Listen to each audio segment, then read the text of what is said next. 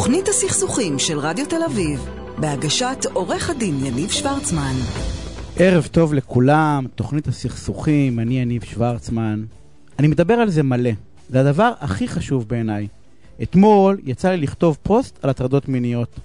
אחת התובנות, הלא חדשות אני חייב להגיד, הייתה שלא ניתן לצפות מאישה להעיר למטריד ולמנוע הטרדה חוזרת, וכמעט לא משנה מה עוצמת ההטרדה.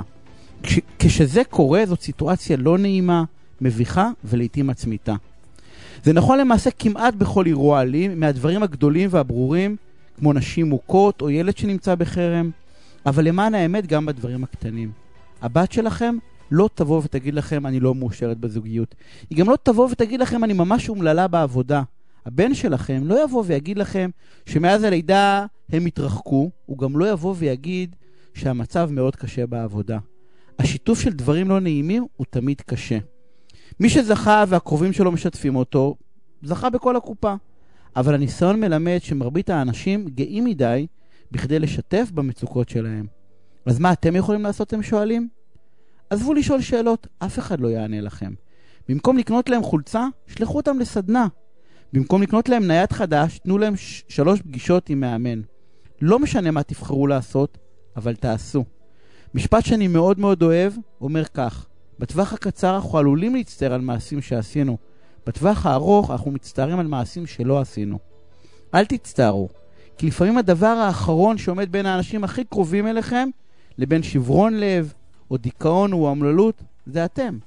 פעם בשנה אתם מקדישים להם מתנת אוויר, אני קורא לזה. עזבו את החומר, תנו להם מתנה שתכניס להם אוויר, לריאות ואור לנשמה. והנה אנחנו מתחילים. תוכנית הסכסוכים של רדיו תל אביב, בהגשת עורך הדין יניב שוורצמן. ולנושא הראשון נמצא איתי, האמת שפעם ראשונה גם ראשון באמת, עורך דין נדיר אביעד, מנהל מחלקת מקרקעין ונדל"ן, שותף במשרד בורחובסקי ושות'. אהלן נדיר, מה העניינים? ערב טוב, אהלן, מה שלומך? אני בסדר גמור.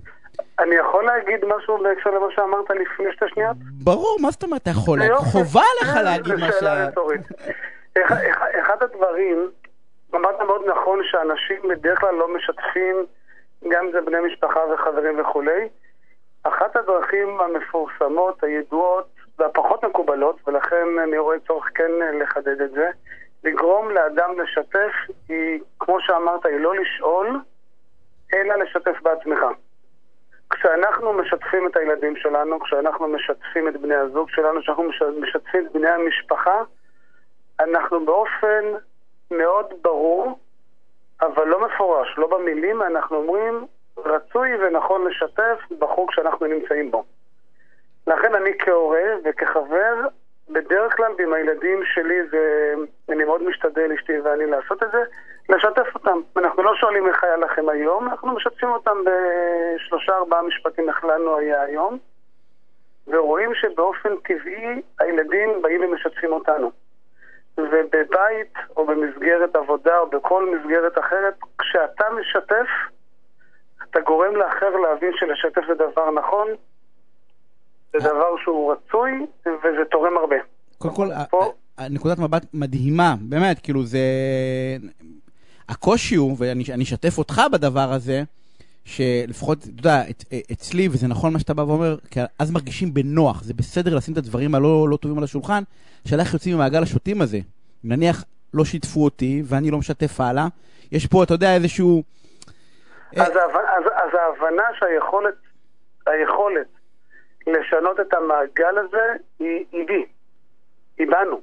במיוחד אני מדבר בהקשר של הורים וילדים. כשאנחנו נשתף את הילדים, לטוב ולרע, כמובן גם עם הגבולות, כן, אנחנו לא יכולים לשתף אותם בדברים שאנחנו יודעים שיגרמו להם לצער או לחרדות, חרדה. או לצער, בדיוק, אבל בדברים שבהם אנחנו יודעים שילדים יהיו מסוגלים לקלוט ולהפנים בלי שזה יערער את העולם הפנימי שלהם, או את היציבות שחשובה בגילאים כאלו ואחרים, אז אנחנו לא עכשיו שואלים איך היה היום, אז זה אדוני בסדר, איך אתה מרגיש? בסדר. אנחנו לא צריכים את זה. אנחנו נשתף, ובאופן טבעי, ואני אומר את זה גם מניסיון, אנחנו נראה שהילדים מבצעים modeling, מפנימים את ההתנהגות שלנו כהורים, ואחרי תקופה הם כבר יבואו וישתפו מיוזמתם. אני ממליץ לכל אחת ואחד מאיתנו. נדיר, אולי. אולי במקום הפינה המשפטית בנדל"ן, נעשה את הפינה, אתה יודע, הקואוצ'רית לה- להורים, בוא'נה, אה, לא, כי מה שאתה אומר... העורך דין חייב שיהיו לו גם יכולות וגם הבנה מעבר לעולם המשפט. לא, זה- זה- זה העורכי דין פלר, רובם הרי רובוטים חסרי אנושיות ו... עוד עוד פעם אתה עושה את זה. ועוד פעם אני עושה, את זה, עוד פעם אני אשמיץ את העורכי דין. אה, לא, אבל האמת היא שהטיפ מהמם, באמת, הוא סופר סופר חשוב. כך או כך, בסדר, אסור לאפשר... אתה יודע, הם לא יבואו לבד, הם לא יבואו לבד. כאילו, ה- ה- הילדים לא יבואו לבד. אחד הפחדים הגדולים, לדעתי, של כל הורה שהילד שלו יהיה במצוקה והוא לא ישתף אותו. מהמם. אה, ובאמת זה דבר שהוא מדהים, הוא דורש, אתה יודע, תרגול ואנרגיות, אבל אה, טיפ... אה, שינוי התנהגות, שינוי חשיבתי. אצל, עצמך. אצל עצמך, ודרך אגב זה נכון, נכון. לגבי, לג, לגבי כולם, אבל נגיד יותר מזה, שגם אם אתה חושב שזה אבוד, תעשה משהו. כאילו השאלות האלה של איך היה לך היום בעבודה, אתה יודע, אם אתה שואל את הילד שלך או את השותף שלך או לא משנה מי, זה שאלות של כאלה היה נהדר, אתה היה בסדר, כאילו היה קצת, זה לא אמיתי, אנשים לא ישתפו ככה. נכון. אה, צריך, צריך לעשות משהו, כי באמת, אני רואה, אתה רואה את זה מסביב, אה, ואנשים, באמת, המון אנשים נמצאים במצוקות, והם לא יודעים לאן ללכת, אתה יודע, נכון, בתוך הדבר נכון. הזה. עכשיו גם בתוך כל התהליך החברתי שאנחנו רואים, אנחנו אה, חברה שלצערנו במרוץ הזמן הופכת להיות חברה די מנוכרת, מאוד חברה מכובסת. אנחנו משתמשים במילים מאוד מכובסות, הכל יפה, הכל טוב, למטה פחות. אנחנו פחות אמיתיים זה לא רק אנחנו, זה כל העולם. המערבי, אבל זה כל העולם המערבי. אה, נדיר, תקשיב, זה הפייסבוק, זה, אתה יודע. אנחנו תמיד צוחקים איך אנחנו יודעים שזוג הולך להתגרש? שכמות התמונות של הפיצוי, אני קורא לזה, בסדר? שכמות התמונות שלהם מחובקים בפייסבוק גדלה, אנחנו יודעים שאו-טו-טו זה מתקרב. זה, תמיד, בהפוך על. הפוך, כאילו, אתה יודע, גם הבית, זה תמיד הכל מפואר, ואף אחד לא יודע באמת מה המצב הכלכלי או כל מיני כאלה. אה, אבל, אבל זה, זה לדעתי לא אנחנו ישראל, אלא זה כל העולם הערבי, כל הרדיפה אחרי, אתה יודע, מסביב, ואנשים באמת הנוחות בודדים. אנשים נורא נורא בודדים.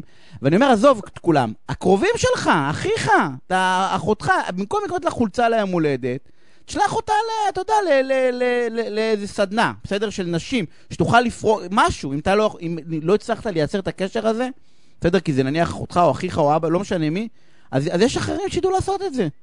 אה, נכון, במקום נכון, עוד נכון. איזה חולצה, עוד איזה שמלה, עוד איזה טלפון, או לא, לא משנה מה. הנה, ותראה איזה יופי, זה מקשר אותנו לנושא.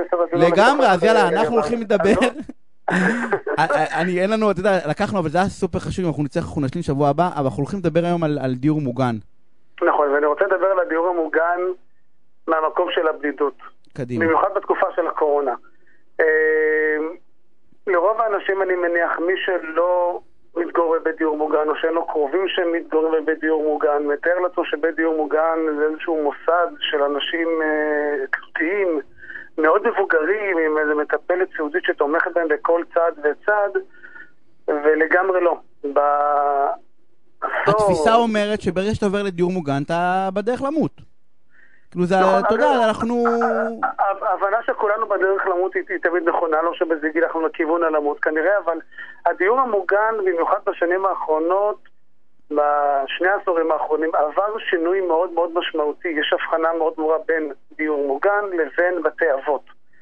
בית דיור מוגן זה מקום, במיוחד בתקופת הקורונה, שאנחנו יודעים שהרבה מאוד אנשים אה, מבוגרים, אוכלוסיית הגיל השלישי, גרים לבד. אה, הקורונה מאוד משפיעה, ודווקא בתי הדיור המוגן זה המקום, במיוחד בתקופה הזו, לעבור ולהתגורר שם. בתי דיור מוגן זה בתי מלון לגיל השלישי עם חיי חברה עשירים, מפנקים ותמיכה ומעטפת תומכת בכל שלב ותחום בחיים, אם זה בתחום החברתי, בתחום הרפואי, בתחום התעסוקתי. והיום, במיוחד היום, שאנחנו עדים להרבה מאוד אנשים שהם גרים בגפם בתקופת הקורונה, חשוב לי לבוא ולהגיד, לכו תבקרו בבתי דיור מוגן. תראו מה זה בית לא, דיור מה- מוגן. מה- מה ההבדל? אבל אתה אמרת שדיור מוגן זה לא בית אבות. זה מה... מה... בשניהם הולך אדם זקן, מבוגר, ומקבל את החדר שלו. ומה- מה- מה ההבדלים? אני, אני, התשובה שלי תהיה בחלקה משפטית ובחלקה לא משפטית, ואני רוצה להתחיל מהחלק הלא משפטי. אוקיי. בתי דיור מוגן אה, הוא מיועד גם בהתאם לחוק, בסדר? יש לנו חוק דיור המוגן שחוקק בשנת 2012. הוא מיועד ברובו כעיקרו לדיירים עצמאיים. כלומר, לאנשים שהגיעו לגיל 70-80, אומרים, אוקיי, אנחנו רוצים כרגע חיי חברה, חיי קהילה, איזושהי מעטפת תומכת, הם רוכשים זכות להתגורר ביחידת דיור בבית דיור מוגן, כשהם מקבלים את אה, רוב הפעילויות שמנעימות את זמנם. יש להם דאגה לחיי חברה, פעילויות, חוגים, תרבות, אבל הם דיירים עצמאיים. בהגדרה הם דיירים עצמאיים. אוקיי. Okay. בסדר? בבתי אבות, היום כשאנחנו מדברים על בתי אבות, יותר אנחנו מתכוונים לבתי אבות המסורתיים שבעבר שלו אנשים שהם עצמאיים, אבל הם קצת יותר אה, נזקקים, קצת יותר נתמכים. זה מה שבאתי לשאול, דיור מוגן זה בגדול, אה, נזקקים לא בכסף, כי באתי להגיד דיור מוגן זה לעשירים, נכון? בעבר היה, אה, הייתה תפיסה, שהייתה נכונה גם שבתי דיור מוגן מיועדים לאוכלוסייה מאוד מאוד אה, עשירה, לעשירון התשיעי והעשירי. היום לאור העובדה שקמו הרבה מאוד בתי דיור מוגן. הענף הזה הפך לתחום מאוד נפוץ, לתחום מאוד מוכר. אם לפני 10-15 שנה רק העשירון התשיעי והעשירי היו יכולים להרשות לעצמם להתגורר בבית דיור מוגן, היום אנחנו, בגלל התחרות, בגלל ההיצע, גם העשירון השישי והשביעי והשמיני יכולים להרשות לעצמם לגור בבתי דיור מוגן, כי יש תחרות מאוד גדולה, יש הרבה מאוד אפשרויות, והשירות הוא מעולה. השירות הוא מצוין. אני, עד כשהתחלתי לייצג בתי דיור מוגן, לא הבנתי מה זה בתי דיור מוגן. אבל כשהגעתי, פתאום ראיתי אנשים ש... כי בתפיסה שלי, תדע לך, אני לא סתם, בגלל זה שאלתי את ההבדל, בתפיסה שלי, נדיר, זה, אני לא סתם אומר את זה, מין כזה, אתה יודע, שאתה מדבר עם, גרנט, עם גרנטולוגים ומי שמתעסק, אתה יודע, יש משהו ב, בלשלוח, לשלוח, לשים את אבא או אימא או מישהו בבית אבות, זה כאילו להגיד לו, בוא'נה, אני זורק אותך לכלבים. אני אומר ההפך, היום זה הפוך. היום אנחנו מבינים, כי תראה, היום, בניגוד לפני 40-50 שנה, היום רוב האנשים אין להם את היכולת ואת הזמן להשקיע ולבקר את האבא או את האימא או את הסבא או הסבתא כמו שבעבר היה, כי היום בתרבות המערבית אנשים עובדים יותר שעות וכולי וכולי. ודווקא המקום של בתי דיור המוגן הוא, הוא, הוא נותן את המענה ואת הפתרון לצורך לאנשים המבוגרים שהם עצמאים שרוצים להרגיש uh, כמו בני 30-40. ואני אומר את זה, לכו תראו. האנשים שם שמחים, מאושרים, יש להם חיי קהילה נהדרים, חיי חברה. בתי הדיור המוגן דואגים להם מאלף ועד נדיר, סוחרים, קונים, איך זה, כאילו מה, מה, נניח, אתה יודע, זה משהו, זה, זה כמו, כאילו, באתי להגיד חלקת קבר, אני לא אגיד, אבל זה, לא, זה כאילו... לא, אבל התפיסה, לא, כאילו, מה... אני חושב שאתה משתמש מעידים על התפיסה. לא, ברור שזה מעיד על התפיסה, נו, הצהרתי מראש, לא, אבל כאילו, אני קונה שם, הזכות, מה, כאילו, מה, איך זה הולך בביזנס? הביזנס מחולק לשני מסלולים. בתי הדיור המוגן, יש לנו אפשרות אה, לקנות זכות שימוש ביחידת דיור מסוימת, כאשר אנחנו משלמים דמי החזקה חודשיים, ובנוסף מפקידים פעם אחת במועד הכניסה פיקדון כספי על סכום מסוים, שהסכום נשחק מדי שנה. אוקיי. בסדר, זה מסלול ראשון. המסלול השני גם אנחנו מקבלים זכות כמעין שכירות או זכות שימוש ביחידת דיור. אנחנו משלמים דמי החזקה גבוהים מהמסלול של דמי פיקדון, זו הגדרה רווחת בשוק, כאשר אנחנו אבל לא נדרשים להפקיד אה, פיקדון כספי. שנשחק. כן, אלו, אלו שתי החלופות המרכזיות אבל בגדול זה שכירות, בגדול זה שכירות. אם, אנחנו, אם אני אענה תשובה שהיא לא משפטית, התשובה היא כן. אבל זוהי לא זכות מבחינה משפטית, יש לנו פה זכות שימוש ביחידת דיור עם כל ההטבות uh, הנלוות לכך. עכשיו, אדם מגיע לבית דיור מוגן לא כי חסר לו איפה לגור, כי חסרים לו חיי חברה, חסרה לו קהילה, חסרה לו הפעולויות, התרבויות, הוא רוצה את הכל זמין ונגיש. הוא רוצה במקום לקבל בקהילה וללכת למועדון הפיס שנמצא במרחק הסעה או במרחק הליכה, הכל יורדים במעלית ומגיעים למועדון ומגיעים לחוג ומגיעים לשיעור ספורט ויש בריכה ויש חדר כושר הכל במעטפת אחת. נדיר, בא לי להיות זה כאן ללכת לדיור עבור, אני אדבר עם מיכל, אנחנו נעבור לדיור מוגן, אני ואימא, נראה לי כבר עכשיו, את הילדים נשלח סבא וסבתא, ואנחנו נלך לדיור מוגן, לברידג' ולכל השאר. אנחנו חייבים לסיים, נדיר. אה, תודה רבה על הפינה המרתקת הזאתי, ואנחנו נתראה. אה, הפסקת פרסומות ממש קצרה, ואנחנו כבר חוזרים. תוכנית הסכסוכים של רדיו תל אביב, בהגשת עורך הדין יניב שוורצמן. רגע לפני שאנחנו מתחילים בנושא הבא, אני עשית, חדל, היה לי מחדל בהתחלה, לא אמרתי תודה לדויד מירן שנמצא איתי פה על התפעול הטכני, ולענבר סולומון שעורכת ומפיקה, שמהאנשים הבאמת חשובים שכל הדבר המדהים הזה קורה. ואני רוצה להגיד שלום לאורל שופן, יועצת זוגית ומינית ומומחית לתקשורת רומנטית. היי. מה העניינים? בסדר, מה קורה? וואי, תקשורת רומנטית, זה פעם ראשונה, תקשיב, אני מארח הרבה מאוד uh, מומחים בתחום הזוגיות, ופעם ראשונה שאני, שמישהו מישהו שם את הרומנטיקה על ה... כאילו, זה של פעם רומנטיקה.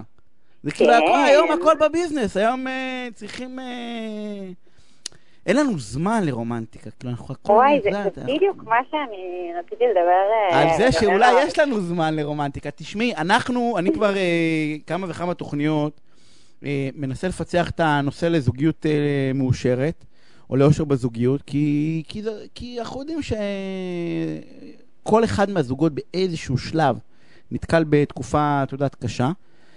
ואני חייב להגיד לך שלא, לא, אין הצלחה גדולה מדי. אין כאילו איזה פתרונות פרקטיים שבהם אני כן. יודע שאני בבית, את יודעת, יושב, או היא יושב, לא משנה, מישהו יושב, ובא ואומר, אני רוצה פה לשנות, ואני רוצה איתך אולי לנסות, אה, את יודעת, להצליח אה, לעשות אה, שינוי. אז, אז, אז מה, מה, מה, מה יש לך להציע ל- ל- למי ששומע? אה, זהו, שאני אני דווקא אתחיל ממה שאמרת על, ה, על, ה, על הצורך הזה ב, ביעילות, בביזנס, ב, ב, ב, ב, ביעילות הזו. אני חושבת שהיעילות הזו על פני הרומנטיקה, או, או אם כבר נעשה את זה יותר מסודר, על פני סקרנות שיש בהתחלה של זוגיות, אה, היא אחד הדברים שהכי מחבלים. אני אתן לך, אני אתן לך דוגמה. ישב אצלי, ישב אצלי זוג לפני אה, לפני איזה כמה זמן, ויש להם כל מיני אה, בעיות ואינטימיות וקשיים, ואחד הדברים ש- שעלו זה זה שהיא לא נוגעת בו בכלל, אה, בחמימות, כאילו, היא לא, לא נוגעת בו. ואז היא אמרה, בסדר, אני, אני לא נוגעת בו, ו- וגם כש, כשאני מנסה, אני מנסה לגעת לו אה, בראש, הוא ישר אה, מזיז לי את היד, כי זה הורס לו את התסרוקת. האיש עובד קשה על התסרוקת והיא רוצה להרוס לו. כן, אבל העניין הוא שכולנו פתאום השתתקנו והסתכלנו עליו, והוא קרח. ו- והוא קרח כבר עשר שנים, אתה מבין? אז, אז אין כבר תסרוקת ש- שאפשר להרוס, וההרגלים האלה, היעילות הזו, המוח האנושי שכל הזמן רוצה להתייעל, רוצה להגיע לאיזושהי נקודה ולבסס איזשהו רעיון, זה משהו שהורס לנו את הזוגיות, זה שאנחנו מניחים שאנחנו יודעים כבר הכל, אה, הורס לנו את הסקרנות הזאת שהיא כל כך חשובה, ו- ואחד המקומות שזה הכי בולט בהם זה, זה המיניות. ש, שבעצם, אתה יודע, בחודשים הראשונים אנשים ככה מגיעים עם הרבה סקרנות, אנחנו בכל זאת אה, אה, מישהו חדש לידינו, אנחנו רוצים להבין מה נעים בגוף שלו, מה נעים בגוף שלנו, שאנחנו איתו, אנחנו ככה מאוד בסקרנות ובהתרגשות סביב הדבר הזה. ואז אה, איפשהו אנחנו מגיעים לאיזשהו איזשהו משהו שעובד, כן, אנחנו מבינים תוך, תוך איזה כמה זמן, מה עושה את העבודה הכי, הכי טוב והכי יעיל ובמינימום אה, אה, אנרגיות או זמן או משהו כזה.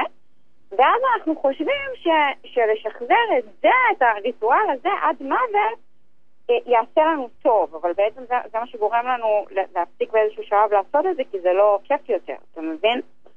אז הרבה מה, מהרצון הזה להתייעל כל הזמן ו- ולהבין מה, מה לעשות בשביל שזה יעבוד, אבל, אה, אבל כולם, דווקא הורס לנו את לא הסקרנות, את מה שכל כך חשוב לרומנטיקה. אבל אני לא רוצה להגיד כולם, ואני אגיד רגע נניח כולם, בסדר? שתהיה צרת רבים.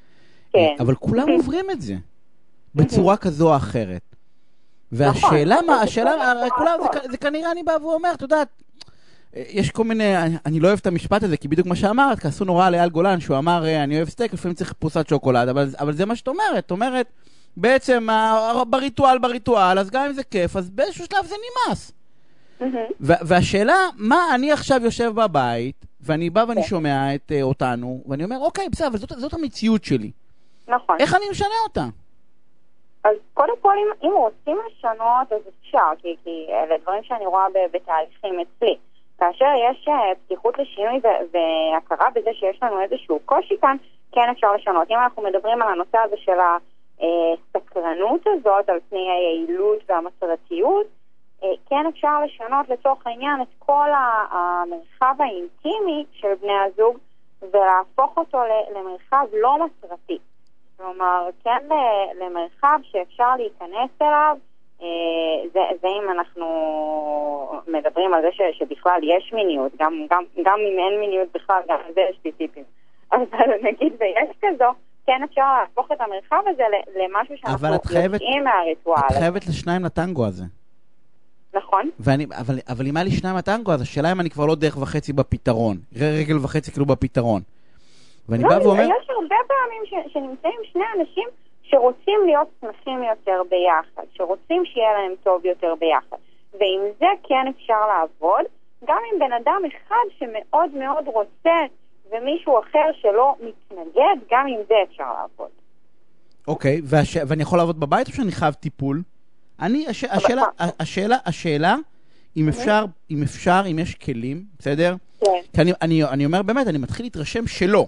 וזה כאילו, מה, מה התסכול? לא, התסכול ה... אני לא, מתחיל לא, להתרשם... לא, לא ממך, לא ממך, באופן כללי, אני מדבר עם... כן, כן, אני יודעת.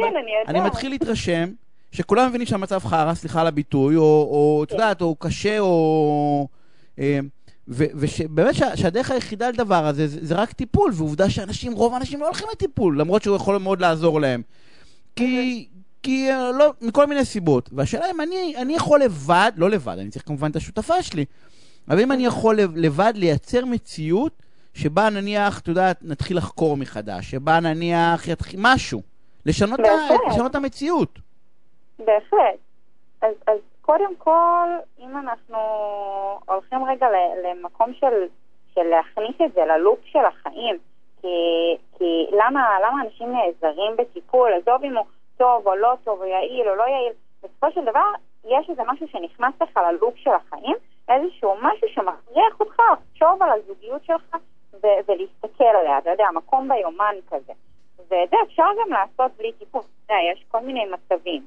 אה, אז, אז להכניס את הזוגיות ללופ, להכניס את הזוגיות ל- ללופ של החיים, ללוז, זה משהו שרוב האנשים לא עושים, בגלל שיש איזושהי תחושה כאילו במיניות ובזוגיות הכל צריך להיות נורא ספונטני. כאילו, אם זה לא ספונטני, אז זה לא שווה. ו- ואין לנו שום דבר בחיים שאנחנו דורשים מעצמנו להיות ספונטניים בו חוץ מזה, כן?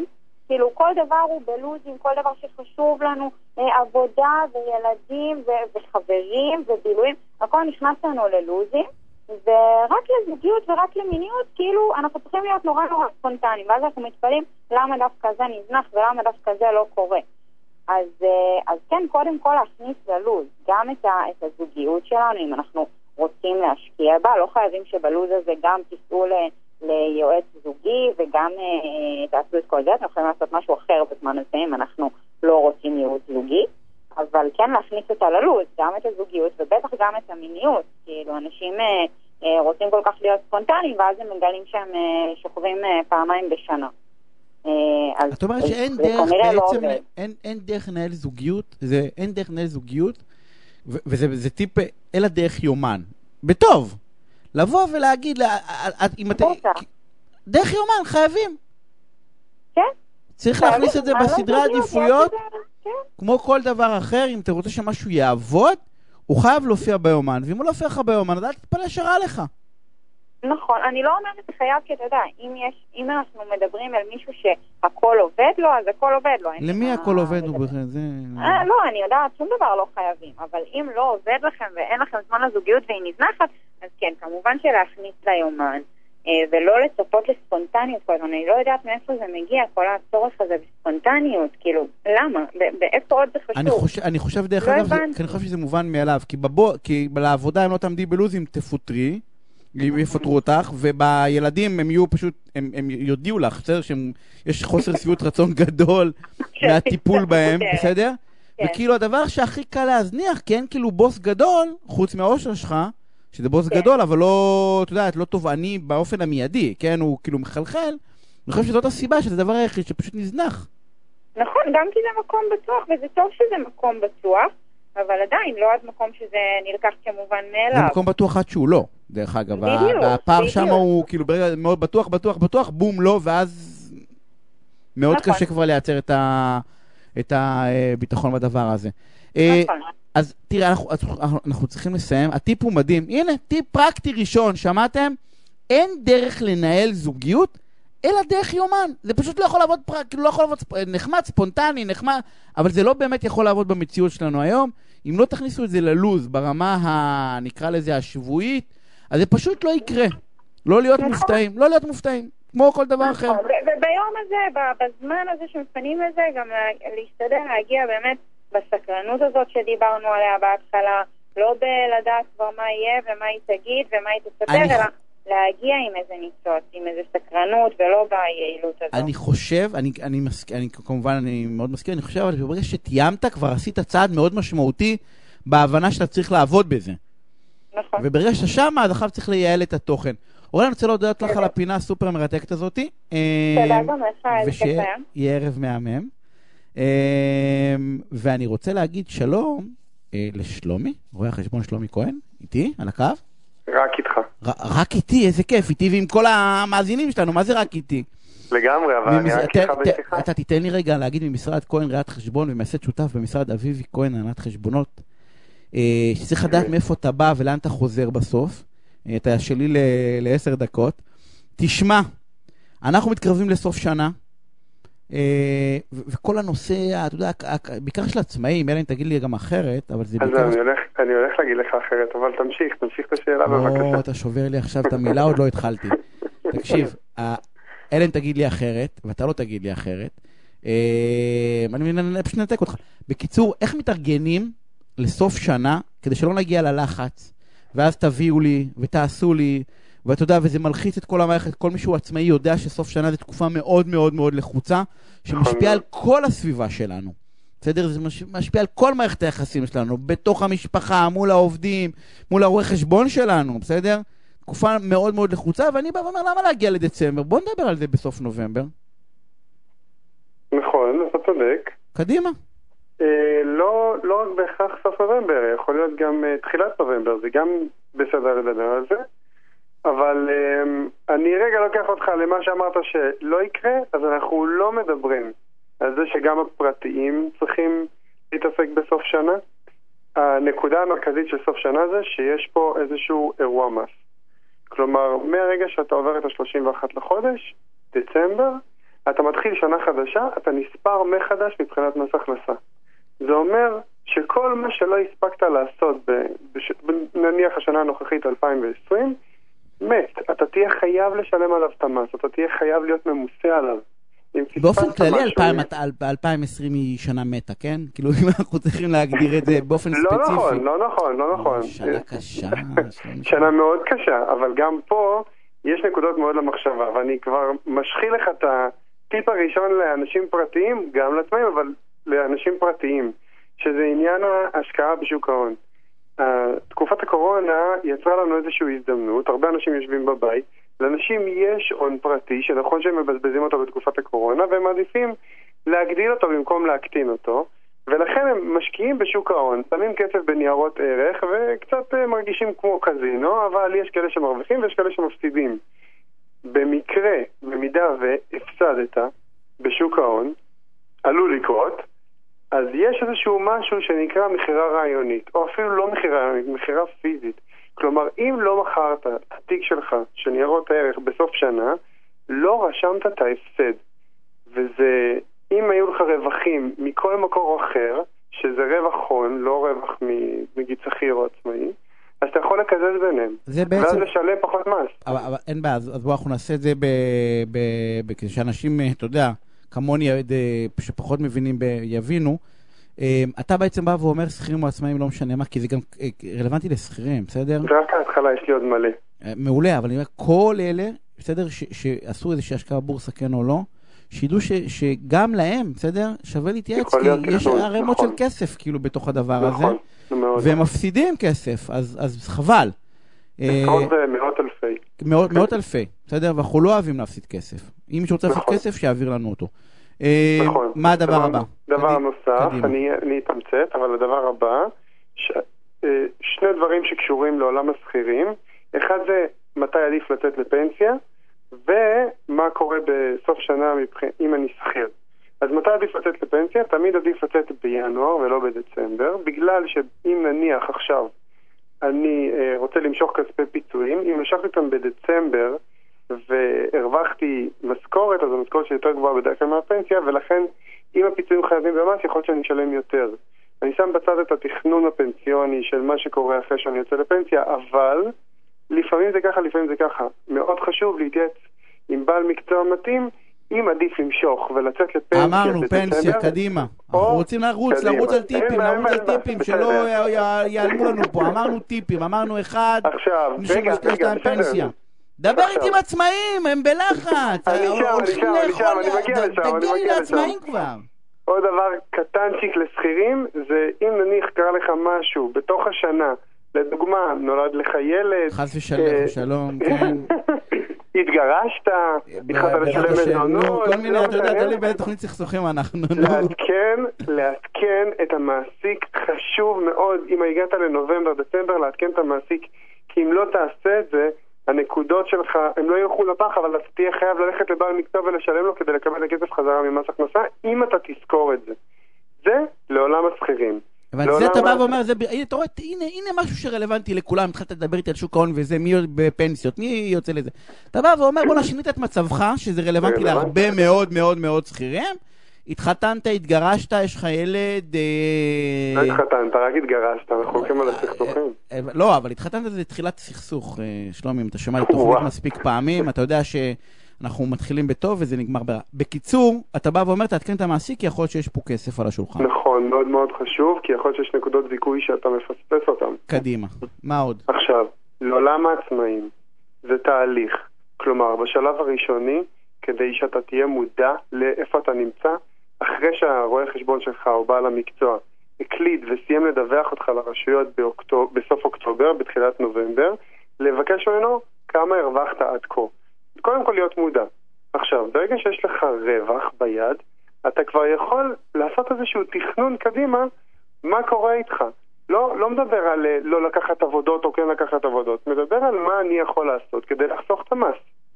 אז קודם כל, כמו שכולם מכירים כבר, וההמלצות האלה כבר רצות בשוק, ולא צריך אותי בשביל זה, אבל אני עדיין אציין את זה, 4.5% מהרווח להפריש לקרן השתלמות עד 18,500, עד 16% מהרווח אפשר להפריש לפנסיה, ועד תקרה של 33,000 שקל בשנה.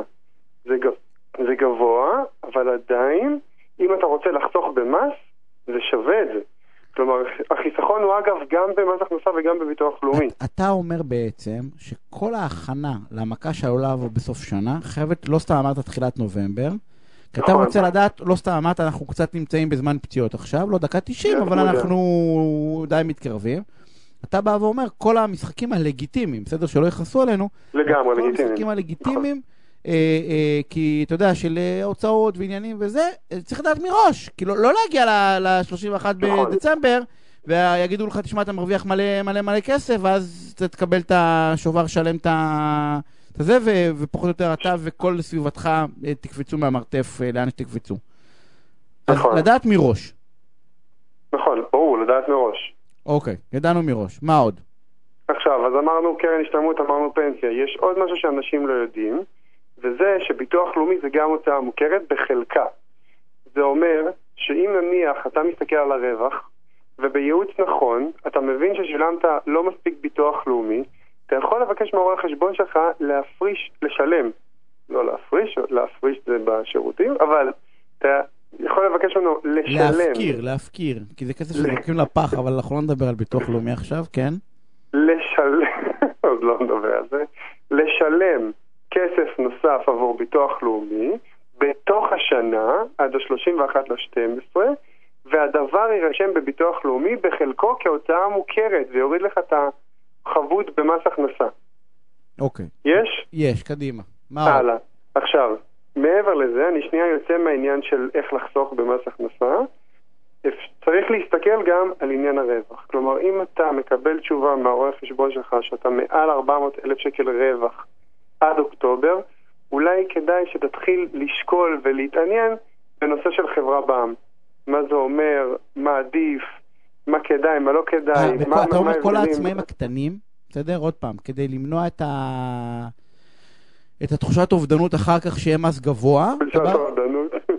לא, זו תחושת אובדנות, שאתה משלם הרבה כסף למס הכנסה, אז אתה יודע, אתה כאילו מצד אחד בא ואומר איזה כיף אני מרוויח, מצד השני אתה, בא לך לא מלחמה, אבל אה, תחושת אובדנות אמיתית. הדבר שאנחנו הכי מאחלים לכל עצמאי שנכנס עזוב אלינו, אותך, נו, לשלם הרבה כסף. שישלם כמה שיותר. כסף. תסביר איך- איך לא לשלם, אל תגיד לי איך לשלם, נו. לא, ברור, אבל אתה... זה מראה על רווחים. כן, בסדר. שלא יהיה לי שותפים, עזוב אותך רווחים, תן לי בשקט. עוד טיפ אחרון, כי אנחנו צריכים לסיים לא, את לא הפינה אחרון. הסופר, שני האחרונים, לא קדימה, אחרון. חייב. אחרון, אין מה לעשות, אז קודם נגמר. כל, לא לעשות רכישות גדולות. לא לקנות רכב, לא לקנות איזה משהו למה? ב-40 אלף שקל. למה? כי זה לא מוכר באותה שנה, זה מוכר על פני זמן. זה מוגדר כרכוש קבוע שאתה יכול למכור אותו, ולכן מה אתה רואה? שנוסף... עוד, עוד טיפ שמונע האובדנות. אני בא ואומר, ממש. שילמתי הרבה כסף, אני לא צריך לשלם מס. פתאום אני גם שילמתי את האוטו, וגם צריך לשלם מס. עכשיו יש עוד טיפ, סליחה שאני חותך אותך, כי אני יודע שאני קצר איתך. כן? טיפ קטן אחרון, וזה דווקא טיפ שיכול להציל חיים. קדימה. בעיקר לחברות, זה פחות לעצמאים, כי יותר קשה לעשות את זה אצלם.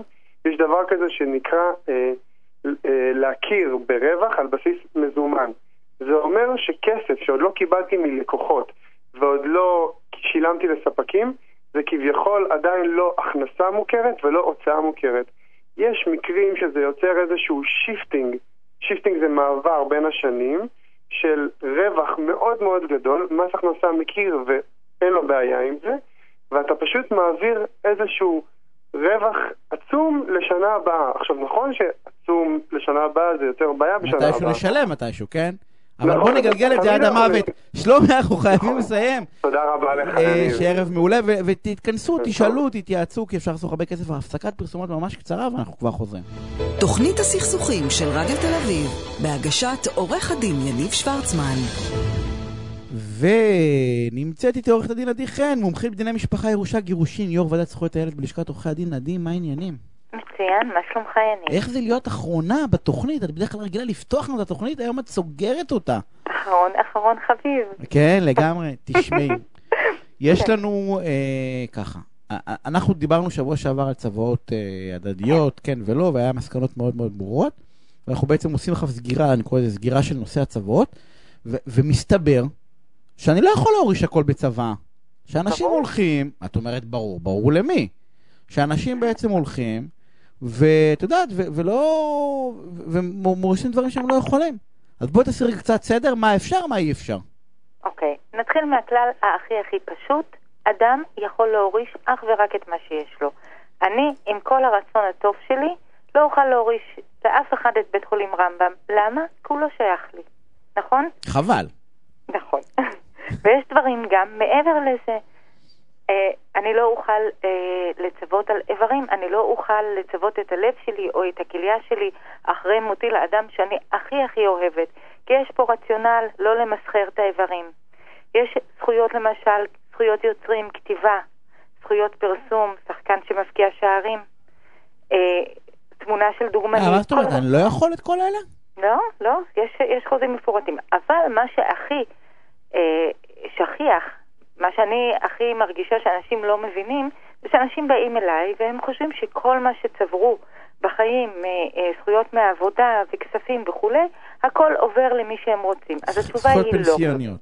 כן, כי אנ- אנשים בדרך כלל עובדים במקומות, רובם שכירים, נכון. צוברים זכויות, מפרישים לקופות גמל וכולי, כל הקופות האלה, אז יש כלל ברור. יש סוגי כספים שאי אפשר להכליל אותם בעיזבון. הם לא קשורים לירושה והם עוברים לפי חוזה הביטוח. והשכיח ביותר זה שני דברים שאנשים חייבים לדעת, כל מה שקשור לקופות הגמל, פוליסות וקופות גמל שעוברים לפי מוטבים, וזכויות פנסיה. נתחיל מזכויות הפנסיה. הרבה אנשים באים אליי למשרד וחושבים שאת הפנסיה הם יכולים להוריש למי שבא להם. אז התשובה היא חד משמעית לא. זכויות פנסיוניות, פנסיית שאירים, היא בעצם מאפשרת כרית ביטחון כלכלית לבן הזוג שנשאר בחיים ולילדים הקטינים עד גיל צבא, עד, עד שהם מסיימים את הצבא.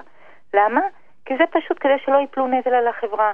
יש איזשהו חוזה סוציאלי שעוזר לבן אדם לקבל סכומים אחרי שהוא פורש מעבודתו, ואחרי שהוא הולך לעולמו, אז מי שסמוך על עדי, שולחנו... בגדול, אבל כן. את אומרת, את הזכויות האלה צריך לדעת שאי אפשר לשים בצבא, גם אם את כותבת בצבא שאת מורישה. את זה.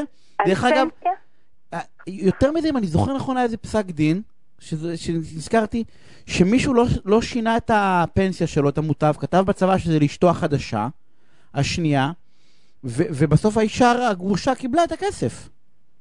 כי כי- מי, כי- שנחשבת, מי שנחשבת לאשתו על פי החוק, או בעלה על פי החוק, או בן הזוג הידוע בציבור שלה, על פי החוק, הם אלה שמקבלים. אגב, אה, היה פסק דין שניתן גם ואם. המוטב כתוב אחרת, עכשיו זהו, זכויות פנסיוניות זו זכות מאוד מאוד מיוחדת. היא זכות שיש שם חוזה מאוד מיוחד בין העמית, שהוא המצווה, בין קרן הפנסיה, הקופה עצמה, ובין שאר העמיתים. בחוזים האלה אי אפשר לגעת, זה חוק מפורש וברור. זכויות פנסיוניות רק לבן הזוג הנשאר בחיים ולילדים אה, הקטינים עד גיל צבא, כשאף אחד לא לוקח על חשבון אף עדי, אחד. וזה לא משנה מי המוטב שרשום? לא, לא. זה לא משנה. זה פנסיה. עכשיו, בקופות גמל או בקופות חיסכון שעוברות לפי מוטבים, שם זה כן משנה מי הרשום. ואני אתן לך תיק שאני טיפלתי בו, שממש מצמרר. אה, אדם שהתגרש מאשתו, והיא עשתה לו פשוט את המוות, אבל הוא שכח לשנות את המוטב. ואז, אחרי שהוא נפטר, היא קיבלה.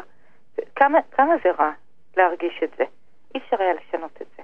אי אפשר, לא משנה אם בצבא הוא כותב, אני מדיר אותה מכל הכסף ומכל הזכויות לא, ומכל כדי הכל. להדיר אדם, ב, ב, כדי להתערב בכל מה שקשור למוטב, צריך גם לציין במפורש בצוואה שגם זכויות לפי חוק חוזה ביטוח, ולא רק זה, גם לשלוח הודעה לחברת הביטוח, הודעה בכתב, לומר להם, רבותיי, יש לי צוואה, ובצוואה פה אני משנה את המוטבים, ודעו לכם, וגם לדאוג באמת, כל בן אדם שמתגרש, או שרוצה לשנות את המוטבים, עובר משבר כזה או אחר בחיים, או סתם רוצה להטיב עם אדם מסוים, אז שיסתכל מדי פעם בפעם בקופות שלו, בשמות של המוטבים, שיעשה רוויזיה על כל מה שהוא רוצה בחיים. חבל, בסוף, הרבה פעמים אנשים שחושבים שהאנשים הכי יקרים להם, כמו למשל הילדים שלהם, הנכדים שלהם, מקבלים את זה, ובסוף מישהו אחר שאין לו שום קשר או זיקה. לא, יש לו. קשר, הוא קשר בעבר.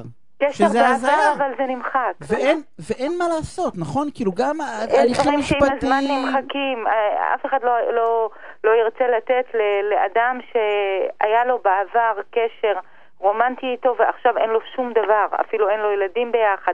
מילא אם תרצה לתת לאישה של הילדים, לאימא של הילדים שלך, ולומר, אוקיי, אם, אם היא ירווח לה, אז ירווח גם לילדים, אוקיי, אני יכולה להבין את זה, אבל לתת לאדם שאין לו שום קשר איתך והוא שייך אך ורק לעבר שלך, אני לא חושבת שזה, אני, אני לא חושבת שזה אפילו הגון כלפי ה... אבל, זה לא הגון, שלך. אבל זה לא הגון, אבל אני בא ואומר בשורה התחתונה, אבל זה המצב, נכון? כי יש הרבה מאוד סכסוכים נכון. שנובעים בדיוק מהדברים האלה. לכן כשנכנסים אליי למשרד ומתחילים לטפל בתיק גירושין, אני לא מתביישת לבקש שאותו אדם יחשוב עם עצמו טוב טוב ויחליט למי הוא מעביר את הנכסים אחרי הפטירה. אני חושבת שזו, ככה צריכה להיות עבודה, ו- וכשאתה הולך לרופא, אז... שבעצם לכרוך את זה, לבוא ולהגיד, הרופא החלט... החלט... לא, בדיוק, לא אמור לחייך לך בפנים, הוא אמור להגיד לך בדיוק מה שהוא חושב על המצב. אותו דבר כשבאים לעורך דין, אז מדברים על, על, על סיטואציות לא נעימות, שהן גם ללכת מן העולם הזה. ו...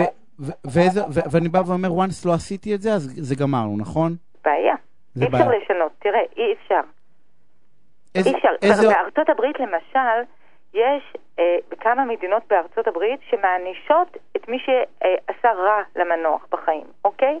מענישות אותו. פשוט יש תוצאות, תג מחיר לטעויות האלה בהתנהגות. בישראל אין דבר כזה. חוץ מלהרוג בן אדם ושיהיה מוגש נגדו כתב אישום, כן? אין. מי שזייף צוואה, מי שניסה להרוג את ה... אה, לרצוח את, ה, את המוריש, אלה לא, לא יורשים. בארץ? מי שהעלים צוואה, אבל לא, לא מי שהוא התעלל במנוח.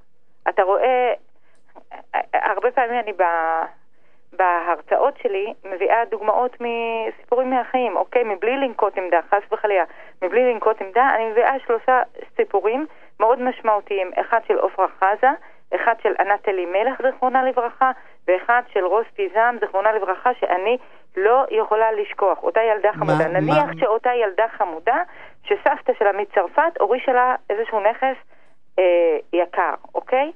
ו... אה, ומבלי להיכנס לסיפור של הרצח, אלא שאנחנו יודעים שאחד ההורים שלה התעלל בה. עכשיו, אחרי הפטירה הם יורשים אותה, כי אין לה בן זוג, אין לה ילדים, אז מי שיורש אותה זה ההורים, אז ההורים המתעללים ירשו אותה. בואו נלך לענת אלימלך. ענת אלימלך הייתה בת זוג של דוד אפוטה. היום ידוע לכל אה, ש... שהיא נרצחה, אוקיי?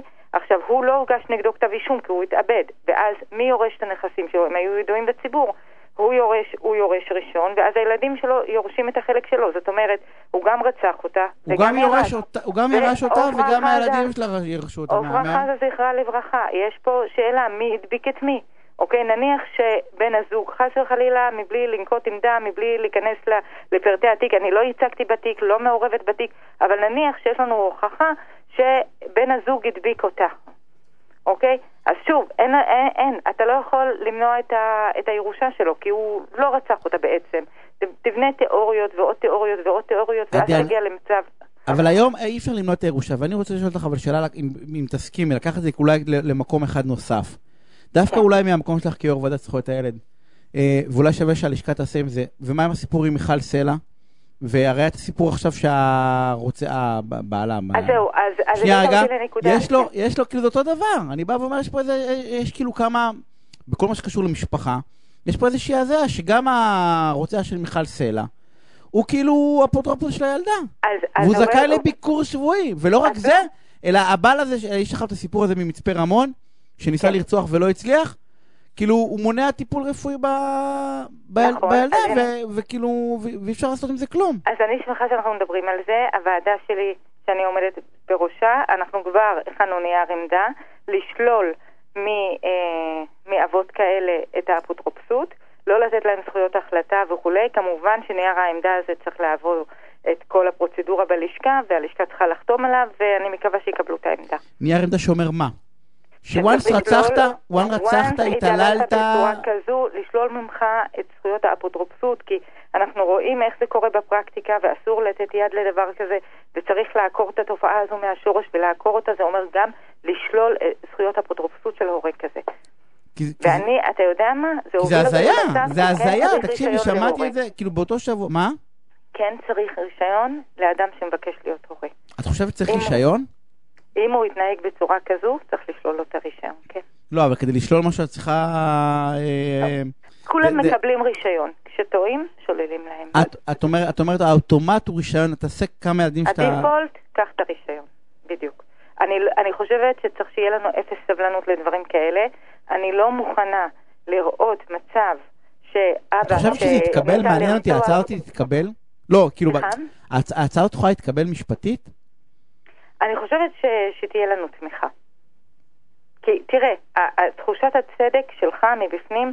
לא, זה הזיה, זה שהוא מנע טיפול רפואי מהתינוק, כאילו, זה של... לא זה שרצח את מיכל סלע השני, כן? לא זוכר איך קוראים לו עכשיו. יש לי תיקים הרבה יותר פשוטים, של אבות שמונעים, אבות, לא, לא להכליל, כן? אבל זה אבות, נו. כמעט, לא, כמעט. כן. אה, שמונעים טיפול נפשי מילד, כדי למנוע מצב שהוא ידווח על התעללות במשפחה. ואז באמת עושים שמיניות באוויר כדי למנוע את, ה, את הטיפול הזה ואת החשיפה הזו. אז את זה צריך לשלול. אבל זה, זה בדיוק אולי המדרון החלקלק, בגלל למה אני שואל? כי, כי איפה עובר בעצם הגבול, כאילו? אם נניח רצחתי את האמא אז שוללים את הרישיון, ואם לא רצחתי אמא ואני סתם נותן מכות לילד, אז לא שוללים את הרישיון? אז בכל מה שקשור לילדים אני מאוד רגישה. אם אני אדע שיש אה, לנו אבא מתעלל, גם... גם, גם אז צריך לשלול את הרישיון. אותם. עדי, אנחנו אפס סבלנות. אנחנו חייבים לסיים. אפס סבלנות לגמרי, דרך אגב, זו חקיקה שחייבת להסתיים. לגמרי, חייבת להסתיים. כל מה שקשור לילדים ולקשישים, אפס סבלנות. לגמרי. והאמת היא שאין, וזה מצטער, וגם בתי משפט, טוב, אני לא רוצה, זה, גם לא, לא נותנים את חלקם.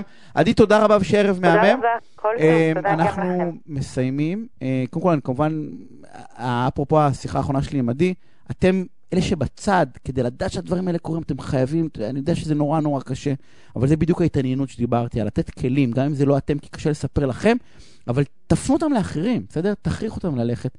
אני רוצה להודות אה, לדוד מירן שהיה התפעול הטכני ולנבר סולומון שערכה והפיקה דני סידס מיד אחריי, תישארו כי הם מעניין ותשמעו מוזיקה נהדרת. אנחנו שבוע הבא ביום שני בשעה שמונה אה, נמשיך לחפור אה, ולראות איך להפוך אתכם ליותר מאושרים, פחות ריבים, יותר פתרונות. אתם מוזמנים לפנות לפייסבוק ולשאול ולהתייעץ ולהציע, אה, ותשמרו על הבריאות, כי זה העיקר. ביי.